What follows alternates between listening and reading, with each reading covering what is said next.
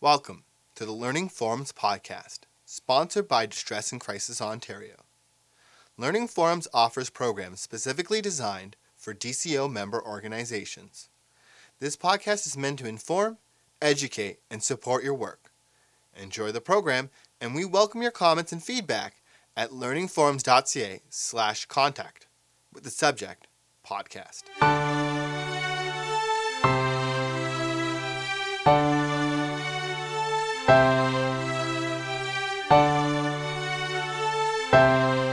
Good morning. My name is Diana Fox, and I'll be presenting on fetal alcohol spectrum disorder. Um, just to give you a little bit of a background for myself, I have been a counselor for almost 30 years, uh, primarily in addictions and um, palliative care uh, and health management problems. HIV, I guess, is the big one for me addictions and HIV.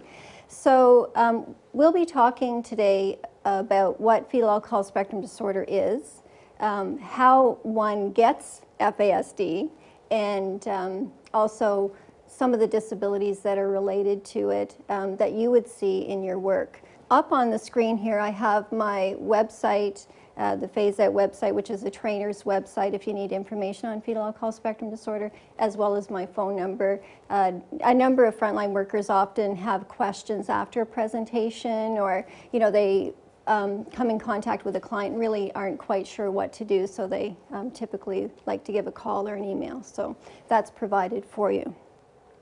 Um, first of all, I'd like to know how many of you have heard of the term fetal alcohol spectrum disorder? Wow, great. And how many of you have heard of the term fetal alcohol syndrome? All right. How many of you think that they're the same?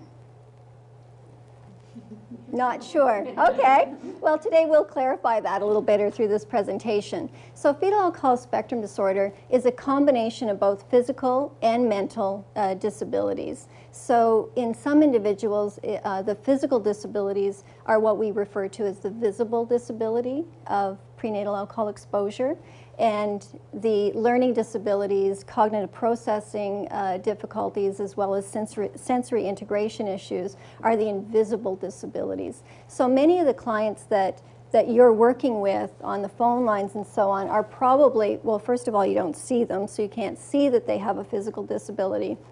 But also, to many of the individuals that are probably calling the distress centers would have the invisible disability, more of the behavioral problems, more of the learning disabilities, more of the sensory integration issues. So we're going to talk about that a little bit later. Uh, fetal alcohol spectrum disorder is a lifelong disability. Um, parents used to think that with enough love, um, once the hormones sort of balanced out with their children, that magically the disability would um, disappear. And I think that that's, you know, we all hope that uh, those that we love in our lives will live to their highest potential and not have disabilities because of the challenges that come, come with that in society. But we do know that fetal alcohol spectrum disorder is lifelong. Um, we do have seniors in residential care who are prenatally alcohol affected or who were prenatally alcohol affected and are living with those disabilities. So we are training uh, workers in nursing homes as well to work with these individuals. And as we understand fetal alcohol spectrum disorder today, it is caused by maternal alcohol consumption, not pre pregnancy, not breastfeeding, but alcohol consumed during a pregnancy. Now, people always want to know how large is the problem in Canada, and when I talk about diagnosis a little later on, you'll see that we really don't know. But what Public Health Agency of Canada is saying that it's about 1% of the population but some statistics actually show in some communities that have been researched that it's 43 out of 100 people are affected by prenatal alcohol exposure. Uh, certainly in areas where drinking is part of the cultural norm, and I don't mean culture as in Inuit culture or Saskatchewan culture. Um, I just mean culture in the sense that, you know, some communities, because of the industry or lack of employment or um, access to alcohol tend to have higher rates of alcohol consumption. In 2005, our Canadian experts got together and um, devised the criteria, standardized the criteria in Canada. Prior to that, we were using the diagnostic criteria um, based from the United States and France. There are four diagnostic terms. Again, fetal alcohol syndrome is the visible disability. Um, usually, these individuals actually, to qualify, the IQ is under 70 and they have the characteristic facial features of fetal alcohol syndrome. So, they would be the shorter eye slits, flat mid face, smooth philtrum, you know, the two ridges that you have here. Um, that would be smoother, and a thin upper lip. And there are some other things where they're uh, turned ears, lower ears, elongated chin, shorter chin. But the classic triangle is would be the eyes, mid face, and lips. So when you go home, don't be looking at everyone across the dinner table or your colleagues when you get back to the office. Alcohol related neurodevelopmental disorder, or ARND, and partial fetal alcohol syndrome are what we refer to as the invisible disability. These are the individuals with a range in IQ over 70. Um, many, some individuals have IQs much higher than my own, actually. um, so they can be 120, 130, very bright in some areas, but in terms of daily living, um, what we call um, adaptive quotient, uh, they tend to fall quite low on the scale. So they can be very bright academically, very bright with computers, very uh, intelligent with animals, uh, an, an, area of their life. But in terms of hygiene, um, sensory integration behaviors, those things, that's where they tend to fall off the map. Now, partial fetal alcohol syndrome is a little bit different than ARND because partial fetal alcohol syndrome, sometimes they have the classic face, but then it softens as they get older. So the philtrum fills in a little bit. And some of us have a thinner upper lip, right? So the facial features soften so it's less noticeable. Alcohol related birth defects is rarely diagnosed in Canada. They're usually the heart anomalies and uh, skeletal problems and so on, but usually they're diagnosed under that. So to, in this segment, we'll really be looking at PFAS and ARND.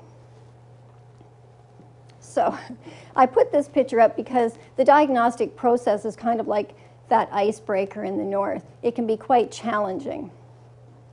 What we do say for individuals who are interested in getting an assessment or uh, family members of teenagers where there's all kinds of behaviors at home and they already come with multiple diagnoses, but something's not quite right. If you want to go for an assessment, what we do say to families is to put together as much information as possible school records, um, psychiatric reports, reports from uh, psychologists, school psychologists, to put together as much information as possible, and also to get pictures or family videos where the individual is not smiling.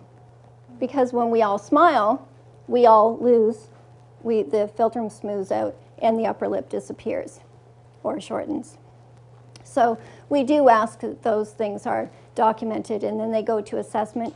Um, and depending on where you are in Ontario, um, some have mobile clinics, some people have to uh, go for assessments uh, to different cities and so on. But the diagnostic process is typically the same. And it is quite lengthy, it's not a, a one shot deal the possibility of misdiagnosis, and we, that's why we're really not quite sure how many people in Canada live with fetal alcohol spectrum disorder, is because we have not been assessing and diagnosing.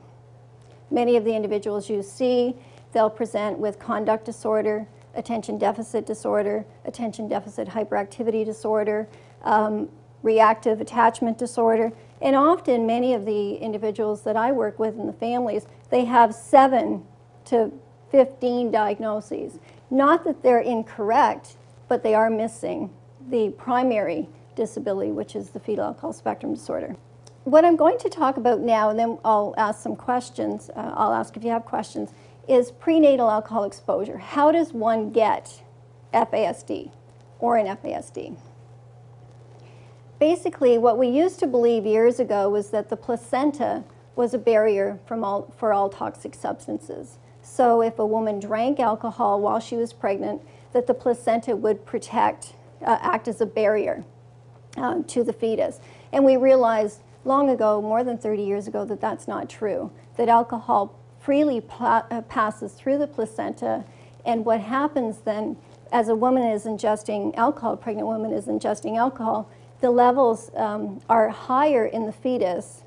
If we were to do a blood alcohol level, they'll be higher in the fetus because there's an underdeveloped liver and it's harder, uh, it takes longer to eliminate because of sort of the containment of the fetus. Also, too, uh, when women drink during pregnancy, there is a, a, a, risk of low birth weight, and we do know some of the um, disabilities that can arise with um, low birth weight. And harm can be caused before a woman knows she's pregnant. And this is really important, perhaps, for your work, because if a woman has been somewhere, has been at a presentation on FASD, and has come to realize that alcohol use during pregnancy can cause harm to her fetus, then she may be quite alarmed and need support. So typically, what I do is I give the number to Motherisk, and I'm sure many of you have that in your resources as it is, but um, that's a really great resource to talk to pregnant women about uh, choices and potential harms and so on. But most women don't realize they're pregnant until they're in their second month. And, you know, it's summertime, it's Christmas time, there's always an occasion to drink. And we do live in a society that does encourage drinking. And also, too, um, what we have realized is that professional women will conceal pregnancies so that they don't lose files, so that they don't lose career advancements. And so, if you're used to drinking with your colleagues, then to stop drinking might be a signal that you're pregnant. So, women will continue. Now, this chart basically looks at the fetal development, what is being developed over the course of the pregnancy. Now, this is really important to know because whatever is developing at that stage when she drinks is at risk of damage or injury. So, if a woman is drinking, they say, uh, research is indicating 18 to 21 days. If she drinks alcohol during that time after conception, then that's when the facial features are being formed. And that's when the face is there. So if she's not drinking during that time, then of course um, you won't see those facial features. But the brain develops throughout pregnancy. So the brain is at risk at all times to the toxic effects of alcohol use. What about dad? People always want to know okay, you know, we tend to put a lot of responsibility on women and pregnant women. As we understand fetal alcohol spectrum disorder today, it is not about sperm.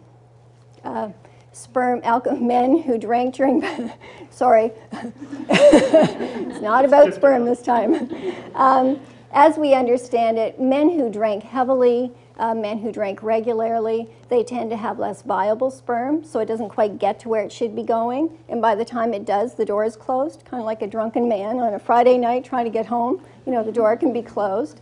Um, so there can be also the rate of, or the risk of more miscarriage for women, um, where there's a male partner who's drinking quite a bit. So fetal alcohol spectrum disorder, as we understand it today, is caused by prenatal alcohol exposure, so a woman drinking during pregnancy. Now, what we do know about dad is that men who are drinking don't make the best of fathers. You know, the more they're drinking, uh, they're you know less able to care for a woman who's pregnant, uh, to be of emotional support, and also may have some challenges in parenting. And particularly if a child is fetal alcohol affected, then these children are not uh, easy children to look after initially. So, so do we have any questions about uh, maternal alcohol consumption or fathers? I was wondering how much uh, volume uh, of alcohol is, is uh, not necessarily permitted, but uh, at what level is too much or is any too much? we don't know the amount um, researchers, you can only do the test this on animal models, of course, uh, which we've been doing lots of really good research in Canada, United States, and France around this. We don't know the amount, and so the Public Health Agency of Canada has put out a statement that if you are planning a pregnancy or if you realize that you are pregnant, to stop drinking. And if you aren't able to stop drinking, then to look at supports around that or reducing, uh, so to reduce the harms. But what we do know is that binge drinking, so four drinks at a sitting, um, and daily drinking, even if it's low daily, low doses of uh, alcohol, so two glasses of wine on a daily basis. Um, so, but to be honest, we don't know exactly. But we do know binge, regular, and heavy drinking for sure. What we do know is that we can't predict which infants will be affected, and we cannot predict how they'll be affected. But what we do know is that the um, more alcohol a woman is drinking, uh, given her vulnerability, fetal uh, susceptibility, all of those, a number of factors, we do know that we don't know, but the risk is there. So the message again is to, if you realize you're pregnant or planning a pregnancy, to stop drinking. If you're unable to, then to get some supports. And even if a woman does drink through her pregnancy, we do look at supporting her because she will often have other children usually multiple births. Fetal alcohol spectrum disorder, we'll talk about that now. I usually break it down into primary disabilities and secondary disabilities. The primary disabilities are really the direct result of the impact, the toxic effect of alcohol during fetal development.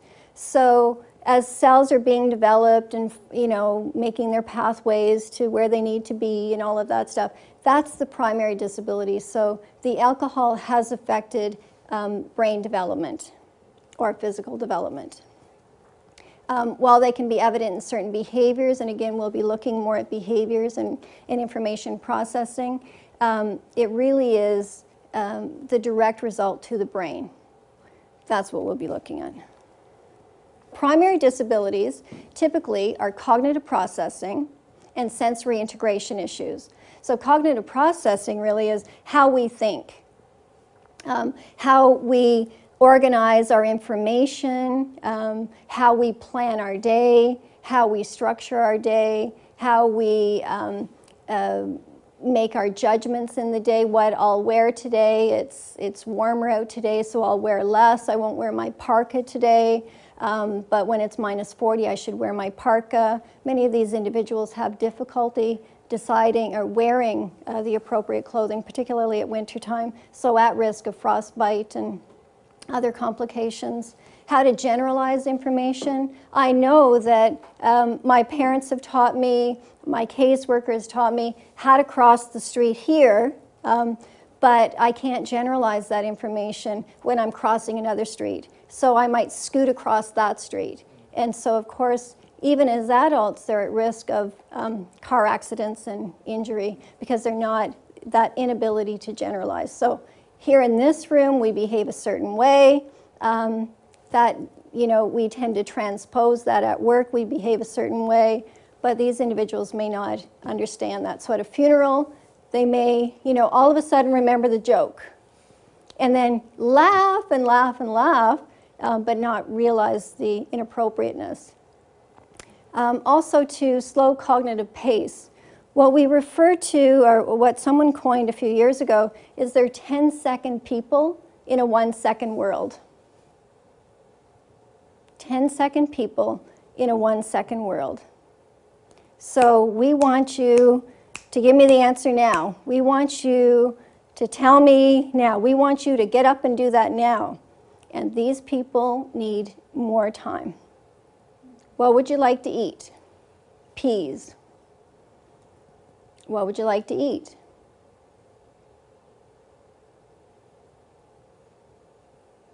Ice cream. so there is that kind of pause. So you can see some of the difficulties these individuals have with um, in the school system. You can see the, the difficulties these individuals would have in an employment office you would see some of the difficulties they might have with employment programs, uh, in counseling programs. Also, there's a, a level of impulsivity There was one fellow, a family that I have worked with for a number of years, where the son, we, were, we had organized a conference and the son was presenting. He loved to present. He was a great presenter, uh, really got the message across around what it was to live with ARND. And he was at a group home at the time, and the staff weren't quite ready, so he was ready, and they told him to wait. Wait 10 minutes, we'll be back, and we'll leave. Well, waiting 10 minutes, he'd forgotten why he was there and got distracted, and off he went. So his punishment was that he couldn't present. Doesn't make sense, right? We need to look at the way we uh, consequent these in, consequent these individuals because the impulsivity. There was a distraction, off he went, forgot all about that he was actually there waiting. So those are some of the cognitive processing difficulties. Emotional regulation, those are the things where I might be really angry, I might be really sad, I might be really frustrated, but I'm on the phone and I kind of have to bracket that or I have to do something, I have to be here today to present. I'll bracket that and then I'll pick up my anger, and my frustration, or my, you know, my emotional challenges a little bit later. These individuals are raw. So many of them, you see what you get. If they're angry, they're angry. When they're sad, they're sad. So they can be quite explosive. But in two minutes later, they're all friendly and supportive and talking to you like everything's fine. And of course, their caseworker doesn't think it's so fine anymore because they were just exploded on. And now the caseworker's upset and angry and having a challenge to bracket, and that person with FASD is quite fine. So you can see some of the challenges that they're having with employment, again, with caseworkers and so on. And the individuals can also become quite overwhelmed. So those are around sensory integration issues. So, you know, if you're in a room and it's really hot, how easy is it to pay attention? You kind of get sleepy, you have to like sit up. Um, and if it's really cold, you know, you're shivering, you're looking back. It's like, doesn't anybody else notice it's really cold? Um, we have the fan from the LCD projector going here. Um, I can hear the fan. You can hear the fan. You can really hear it now that I pointed it out. but you can still hear me, right? You can still, you know, sort of bracket that fan sound and continue to hear the presentation. Many of these individuals might fixate on the, on the fan sound. Or uh, there was one story where the student was always disruptive, always causing difficulties around 11:30 in class until one worker realized that's when the hot dogs started cooking. So the smell of the hot dogs drew the person's attention away and lost all ability to concentrate. And sometimes, you know, if you have that sticky thing, that uh, the um, the tag in the back of your sweater, and it's kind of itching and scratchy, and you move it, but you can overcome that, right? Many of these individuals can't. So, if you're trying to teach them something, if you're trying to talk to them, if you're trying to show them what they need to do in their new job, and they've got a tag bothering them, or the lining, you know, the little um, seam of the sock bothering them, eh, they're paying attention to that. And you're saying to them, Do you get that? Sure, I get. Yeah, I understand. Tell me what I just said. Well, you just said A, B, and C. And they can often repeat what you've said, but can they apply it? So, what we say to, to frontline workers is give them the instructions, ask them to repeat it, and then walk them through and get them to show you the behavior. Because if they don't show you the behavior, they may not be getting it. Diane, you mentioned uh, in the introduction uh, about the facial characteristics that were quite uh, um, definite in the fetal alcohol syndrome. Do you have a picture that you could show us of what that looks like in an actual person? Yes, actually, here's a slide of the characteristic facial features for FAS and the diagnostic criteria for the lips, for the philtrum and the lip. So that's just here. Thank you. Okay. So this chart actually was uh, is a study that was put together in terms of some of the uh, daily functioning difficulties that these individuals were experiencing. Concepts with money, concepts, of difficulty with abstract concepts. An abstract concept to me uh, are two things money and time. I'm often late um, because I don't manage my time well. And money, there's a bank machine I can go to, and I can, you know, ask for $100 and it magically gives me $100. So often these individuals have difficulty with time. You have an appointment at 5 o'clock on Tuesday, and they show up three weeks later on Monday at 1 o'clock uh, instead. So, you know, we need to help them get to their appointments on time, and there are strategies to help do that. But this just gives a list of some of the ideas, difficulties understanding ideas, uh, difficulties with concept of time, difficulties with social skills. So you might have a, an 18 year old, looks like an 18 year old, can present initially as an 18 year old or old, older, but actually has the emotional ability of a six to an eight year old or the emotional skills. So these are individuals that actually we put out, we give them $800, we set them up an apartment, we say, good luck. Uh, how many of you would do that with your 10 year old child or your 10 year old niece or nephew? Here's $800, go get yourself an apartment, groceries, and we'll see you next month. Off you go. Now, what we do know to deal with these uh, primary or secondary disabilities, primary and secondary disabilities, the learning, the behavior, the, the ability to process information, is we do have strategies. And for each individual, we have, you know, we tailor make the strategies, but we have this acronym, it's called ALARM. So actually, these are the things that we would look for in terms of assessing whether or not someone may be prenatally alcohol affected. So we would look for adaptation. Do they transition well? Language. What are their language abilities? Attention. Do they have difficulty paying attention, staying focused, sitting down? Uh, reasoning. How do they reason things out? Do they start confabulating, telling stories, filling in gaps? Because you want the information, so I'm not going to lie. I'm just going to fill in the gap, make up a story. And memory. Are there difficulties in their memory? And these are some of the things we look to screen for FASD.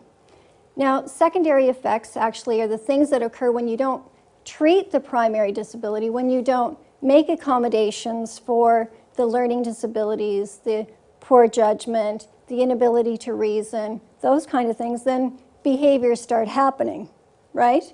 And what we do know in a study that Ann Streissguth did was that sexual inappropriateness, School expulsion or early school dropout was quite high. Problems with the law.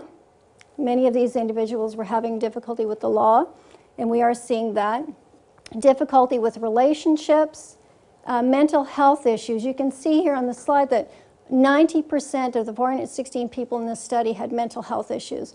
These are the people who are calling you. These are the people who will repeatedly call you, and you will be their best friend because they will meet people on the street, not know their name, and say, That's my best friend. So you will now become their best friend. So these are some of the behaviors that you might see inappropriate humor, as I mentioned around the funeral, few friends, often isolated. So anyone who gives them any kind of attention is their friend. So, you know, they're often vulnerable to sex- sexual exploitation, to having their money uh, taken from them, uh, to have their to be kicked out of their apartments because it's become the newest crack house on the block, those kind of things. And they're often anxious and fearful, and we do see even with children uh, signs of depression. Suicidal, they may not understand that to complete suicide is to die. And one fellow used to say to his father, If I kill you, I can get the insurance money, and then we can go and celebrate my birthday. But if you kill me, I will be dead. And this man was 25 years old at the time, didn't understand the permanency of death. So, again, these are some of the secondary behaviors that you would see unrealistic goals, um, fighting, those kind of angry outbursts.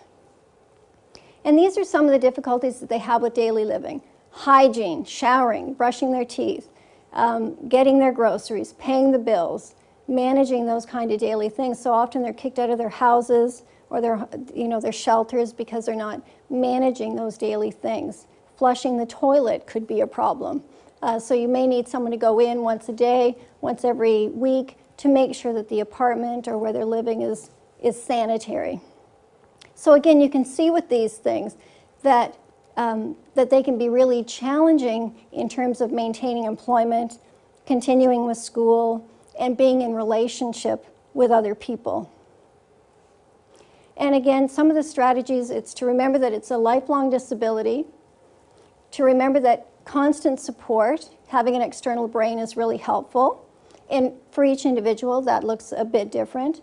And to realize that we need to change our expectations, not to have no expectations, but to change them, to modify them so that that individual can reach their highest potential.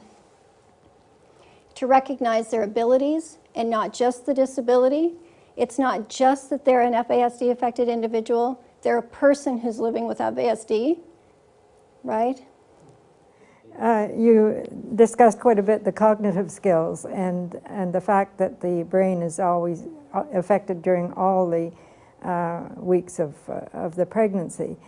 And then you also said that you knew of um, uh, people suffering from this uh, disability that were in extremely intelligent in, in many areas, but not all areas. Could you just discuss that just a little more? Sure when the brain is developing throughout pregnancy. So, whenever a woman drinks during her pregnancy, the brain is at risk, mm-hmm. right? So, at risk, not saying that there will be an injury, what we do know is that it's at risk. Mm-hmm. So, again, it depends on how much she's drinking, her vulnerability or susceptibility to alcohol, as well as the fetuses. So, the brain is developing throughout. So, if she's binge drinking once every three months, then you know she there will be less damage caused to the, the mm-hmm. developing fetus than if she were drinking every day. Mm-hmm. And again, if we look at that chart, um, where she you know if um, she's drinking at a particular time when certain brain cells are migrating in a pattern to um, um formulate ex- executive functioning how we process information, how we store, how we organize, then that would be more more vulnerable, right? So again, it depends on where she's drinking in the pregnancy and what's what's going on in terms of cell migration in the brain. Right. Thank you. Does that answer your question? Okay. Some of the behaviors that you were talking about are not uh, normal ones to um, people not suffering uh, from the disorder. Now, how would one um, educate the uh, other population in, in understanding and, and uh, being more tolerant of um, the behaviors that are being exhibited and not judge, because that's, I certainly would like to see people be less judgmental of those types of situations. That's a really good question, actually. It's because it's an invisible disability, people don't see it, and so people judge. So, you know, that's why diagnosis is important because they're going to be judged. Some people say it's labeling, right? But they're going to be judged stupid, lazy, um, jerk, you know, whatever in whatever area of their life. So, um, it's really important to understand too that alcohol use during pregnancy is a very highly stigmatized topic. Most women who do drink during pregnancy try to shield that from people knowing because of the shame and you know the blame that comes with that. So to have their child assessed for an FASD and in that diagnostic criteria is very difficult and challenging for families. Uh, one of the ways that we can um, uh, destigmatize the issue and the disability is to talk about it to talk about it, to normalize it. And I think that in Canada we're very good with uh, physical disabilities, but we need to step up to the plate more around educating ourselves and understanding uh, invisible disabilities. To help individuals, these are some tips. Provide simple clue, cues, simple instructions, uh, not 14 instructions all at once, one or two, then call me back. You do these things, then call me back. Um, because if you give them a list, a laundry list of things, they'll get, they'll lose the list, first of all. Um, and if they haven't, they might get to number one and then get distracted. And we need to reevaluate our expectations and goals as they mature, as they um, experience different things in their lives. Things that work, we do know constant uh, consistency, repetition, concrete instructions, supervision. Again, that just speaks to what we said before. What we do know is that FASD is in our community. Doesn't matter where our community is. We could be rural, urban, we could be isolated, we could be extended family all over the place, but we do know that FASD is in our community and that we do as a community need to support women who um, may be drinking during pregnancy as well as the children that may um, have FASD as a result. So FASD is a lifelong condition that affects the individual, the family, and the community. I put some resources here that you can check, some references if you want to do further reading on that, on the topic. And thank you very much.